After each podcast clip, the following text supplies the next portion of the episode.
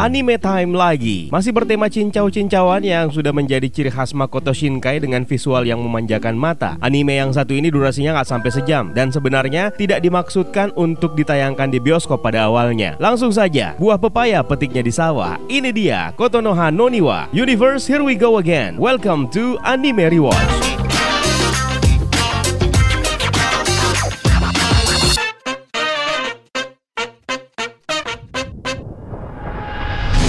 Dirilis pada tahun 2013, anime ini menjadi inspirasi dibuatnya versi manga dan buku novelnya di tahun yang sama dengan karakter utama di dalamnya Takao Akizuki dan Yukari Yukino. Simple dan tidak bertele-tele. Sebelum kita gas, kita kasih spoiler warning terlebih dahulu buat kalian yang belum pernah menonton anime yang satu ini.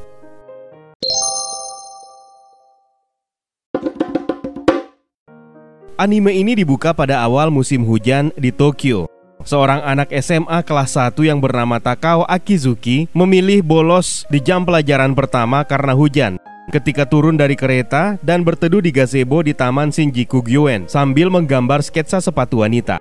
Akizuki bercita-cita ingin menjadi seorang desainer sepatu terkenal dengan bekerja serabutan agar bisa mewujudkannya. Dia bertemu dengan Yukari Yukino, seorang wanita berusia 27 tahun yang juga memilih tidak masuk kerja sambil menikmati bir dan coklat di taman tersebut. Sketsa sepatu yang digambarkan oleh Akizuki ternyata sepatunya Yukari Yukino.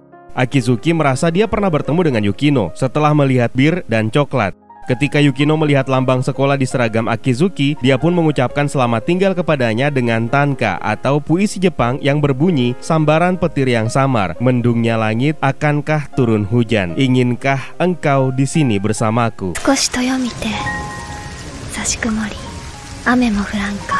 Yukino pun pergi meninggalkan Akizuki yang kebingungan dengan ucapan dari Yukino tersebut.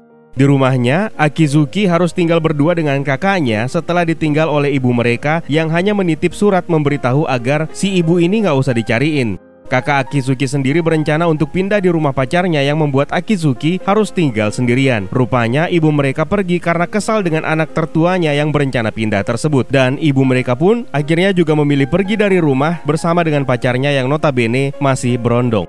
Di sela waktu istirahat, Akizuki yang sedang membuat sebuah sepatu menanyakan ke kakaknya tentang puisi yang sempat dikatakan oleh Yukino. Namun kakaknya ternyata juga tidak tahu arti dari puisi tersebut. Keesokan harinya, Akizuki senang sekali dengan hujan yang turun. Artinya dia punya alasan lagi untuk bolos sekolah. Sesampainya di taman, Yukino ternyata juga ada di sana. Yukino yang melihat Akizuki sedang fokus menggambar sketsa sepatunya, akhirnya mengajak Akizuki untuk ngobrol tentang mereka berdua yang sama-sama bolos. Akizuki bolos sekolah, Yukino bolos kerja. Hingga Akizuki pun pamit untuk berangkat ke sekolah untuk masuk di jam pelajaran berikutnya. Akizuki sendiri bolosnya cuma di pagi hari. Yukino berharap bisa bertemu lagi dengannya di pagi hari berikutnya dalam suasana yang sama ketika hujan turun. Setelah itu, Akizuki dan Yukino pun bertemu setiap pagi di taman dan beneran di saat hujan. Hubungan mereka berdua pun juga semakin akrab hingga Akizuki memberitahu cita-citanya kepada Yukino yaitu ingin menjadi seorang desainer sepatu. Yukino sendiri menjadi orang pertama yang tahu cita-cita Akizuki tersebut. Di sekolah, Akizuki akhirnya dipanggil oleh gurunya karena keseringan bolos di mata pelajaran pertama. Di rumahnya, sebelum tidur, Akizuki selalu berdoa agar keesokan paginya hujan turun agar dia bisa kembali bolos dan bertemu lagi dengan Yukino yang ternyata sudah mulai dia sukai. Meskipun Yukino ini adalah wanita dewasa dengan usia mereka terpaut 12 tahun, tapi malah bagus untuk Akizuki karena orang-orang dewasa di sekeliling Yukino pasti hanya akan menganggap dirinya sebagai anak kecil yang berusia 15 tahun. Keesokan harinya beneran hujan turun kembali. Mereka berdua pun kembali bertemu di taman. Melihat Yukino yang terlihat seperti orang yang sedang menyembunyikan sesuatu, Akizuki malah mengira Yukino sudah dipecat dari kantornya akibat keseringan bolos. Yukino juga sekarang sudah tidak lagi minum bir di pagi hari. Mereka berdua pun sarapan dengan bekal masing-masing. Akizuki kemudian mencicipi bekal Yukino yang dia rasa ternyata tidak enak meskipun Yukino sudah berusaha keras untuk memasak makanan yang enak. Akizuki pun ketiduran akibat kekenyangan dan memimpikan kehidupannya ketika masih anak-anak dan kedua orang tuanya belum bercerai. Akizuki memberikan kado ulang tahun kepada ibunya sepasang sepatu yang indah. Ketika tiba di rumahnya, Yukino mendapatkan telepon dari mantan pacarnya yang bernama Takehara yang menanyakan kabar Yukino dan juga tentang surat pengunduran dirinya dari tempatnya bekerja. Yukino sebenarnya kecewa kepada Takehara karena terlalu mendengarkan omongan orang lain dan tidak mempercayainya. Yukino sendiri juga sebenarnya berbohong kepada Takehara bahwa Akizuki yang dia temani setiap hari di taman adalah seorang nenek-nenek yang baik hati. Entah apa maksudnya Yukino merahasiakan tentang Akizuki kepada Takehara. Ketika terbangun di pagi hari di mana kota kembali sedang diguyur hujan, Yukino dengan begitu semangat mencoba memasak bekal untuk diberikan kepada Akizuki di taman. Di taman, Yukino juga memberikan sebuah hadiah kepada Akizuki yaitu sebuah majalah mahal handmade shoes dan tentu saja membuat Akizuki senang bukan main. Akizuki lalu menyampaikan niatnya bahwa dia berencana membuat sepatu wanita namun belum tahu untuk siapa sepatu itu nantinya. Yukino pun sepakat kalau sepatu pertama buatan Akizuki itu akan menjadi miliknya. Maka diukurlah kaki Yukino. Setelah satu bulan bertemu di pagi hari, Akizuki rupanya belum mengetahui nama dari Yukino. Dia juga belum tahu umurnya, pekerjaannya, dan masalah yang dihadapi oleh Yukino, sehingga setiap pagi bolos dari pekerjaannya. Akizuki pun menyadari kalau dirinya telah jatuh cinta kepada Yukino. Di sebuah kafe, Yukino heran sama dirinya sendiri. Setelah mengetahui musim hujan akan segera berakhir, dia senang karena Akizuki bisa masuk sekolah tepat waktu. Tapi di sisi lainnya, dia malah berharap musim hujan tidak cepat berlalu.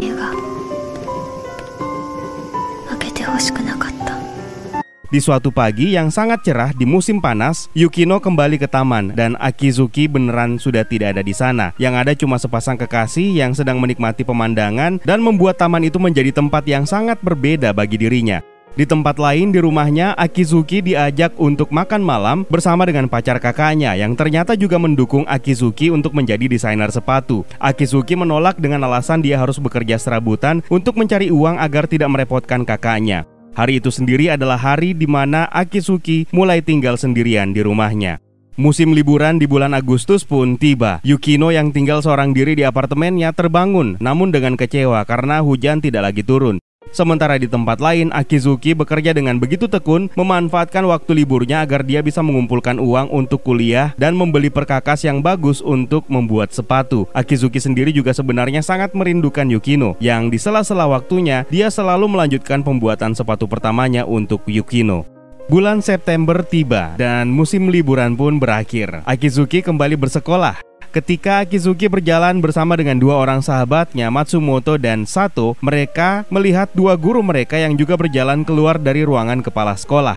Sato lalu memanggil nama gurunya itu yang membuat Akizuki akhirnya kaget dan tersadar kalau ternyata guru yang disapa oleh Sato tersebut adalah Yukino. Sato dan siswi perempuan lainnya di sekolah tersebut rupanya kangen dengan guru mereka ini yang sudah lama tidak datang ke sekolah. Ya, Yukino rupanya adalah guru di sekolah Akizuki. Kabar buruknya, hari itu menjadi hari terakhir Yukino untuk mengajar di sekolah tersebut. Inilah yang menjadi topik obrolan Yukino dan Takehara di telepon beberapa waktu sebelumnya. Di lapangan, Matsumoto pun menceritakan kepada Akizuki tentang ibu Yukino, yang pada saat itu Akizuki berbohong bahwa dia tidak mengenalnya. Matsumoto merasa wajar Akizuki tidak mengenal ibu Yukino yang adalah seorang guru sastra di kelas 3, sementara yang mengajar sastra di kelasnya adalah Pak Takehara. Akhirnya terkuaklah alasan Yukino merahasiakan tentang Akizuki kepada Takehara karena Akizuki adalah siswanya. Sato menambahkan kalau Ibu Yukino sedang bermasalah dengan siswi kelas 3. Ibu Yukino ini sedang digosipi oleh siswanya sendiri karena merebut pacar dari siswanya. Sato sendiri tidak percaya dengan gosip tersebut. Ibu Yukino ternyata juga menerima perundungan dari satu kelas. Makanya untuk menghindari masalah tersebut, Ibu Yukino mengalah dan memilih untuk tidak mengajar di sekolah itu lagi.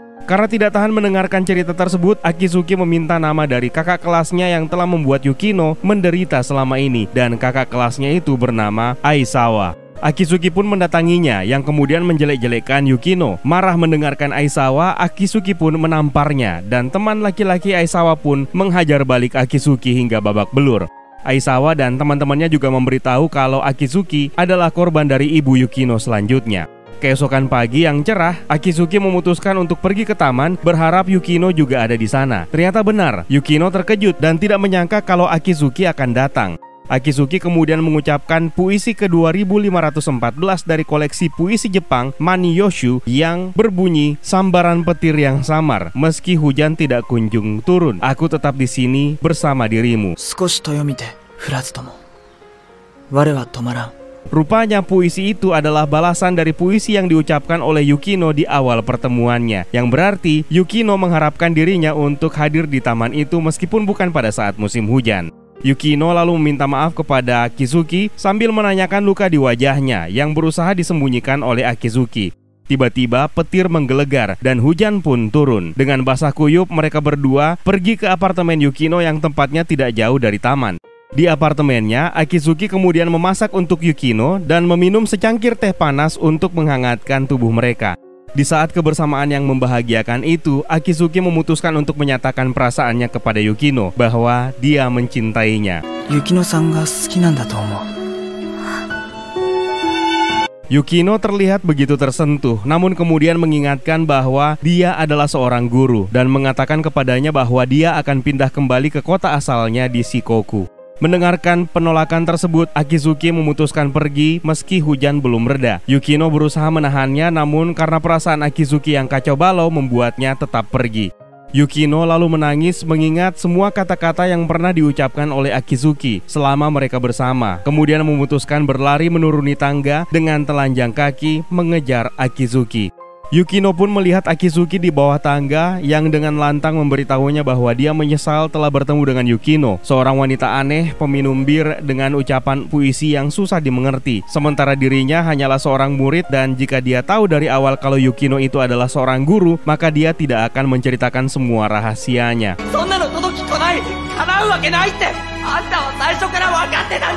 Karena tidak tahan mendengarnya, Yukino pun menangis memeluk Akizuki dengan erat sambil mencurahkan isi hatinya yang menganggap bahwa Akizuki sebenarnya telah menyelamatkan dirinya setiap pagi yang harus larut dalam kesedihan karena takut untuk pergi ke sekolah. Yukino juga sebenarnya mulai jatuh cinta kepada Akizuki. Akhirnya kebahagiaan mereka pun ditutup dengan lagu dari Motohira Hata yang berjudul Rain. Dalam kredit title menunjukkan Akizuki nyaris tidak lulus di ujian terakhirnya di sekolah dan di liburan musim dingin dia memutuskan untuk tetap bekerja demi menggapai cita-cita dan tujuannya serta mempertanyakan keadaan Yukari Yukino di Shikoku.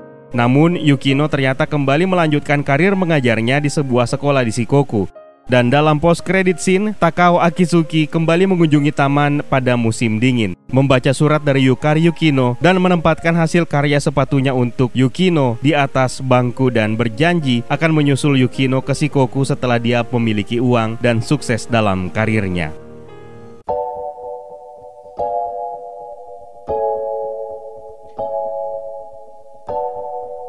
Seperti biasa, visual grafisnya disajikan dengan apik oleh Shinkai yang memadukan efek anime seperti biasa dengan CGI 3D yang membuat beberapa part dalam film ini terasa menjadi realistis. Plot sederhana tanpa perlu banyak subplot yang tidak perlu dimasukkan. Menjadikan film ini worth it to watch, khususnya bagi mereka yang demen sama genre yang beginian. Masih setia memasukkan elemen-elemen yang memiliki makna mendalam dan ini semua sudah dikonfirmasi sendiri oleh Shinkai. Seperti puisi tradisional Jepang yang menjadi jembatan hubungan dua insan beda status dan usia yang terpaut jauh ini. Sepatu menjadi elemen yang memiliki arti bagi masing-masing karakter. Bagi Akisuki, sepatu menjadi tanda kekaguman dan kebahagiaannya dengan menghadiahkannya kepada ibunya terlebih dahulu, lalu berniat dengan tangannya sendiri untuk membuatnya lalu diberikan kepada Yukino. Bagi Yukino, sepatu menjadi metafora kehidupannya yang akan membantunya berjalan kembali setelah mengalami keterpurukan dan kesendirian. Bir dan coklat juga sama menggambarkan kondisi mental yang dialami oleh Yukino. Ketika dia memutuskan untuk berhenti minum bir, artinya Yukino Kino sudah menemukan obat kesepiannya yaitu Akizuki. Sementara hujan melindungi mereka dengan memberikan harapan untuk terus bertemu sekaligus menjadi elemen yang jahat sebenarnya karena akan memisahkan mereka ketika hujan tidak lagi turun di pagi hari. Hingga Man Yoshula yang membuat mereka akhirnya menyadari bahwa sebenarnya mereka berdua telah memiliki ikatan kuat dan saling membutuhkan satu sama lain meskipun hujan tidak lagi turun. Ya, kira-kira seperti itulah universe. It's time to be the sign out. My name is Eka. Stay safe and until next time.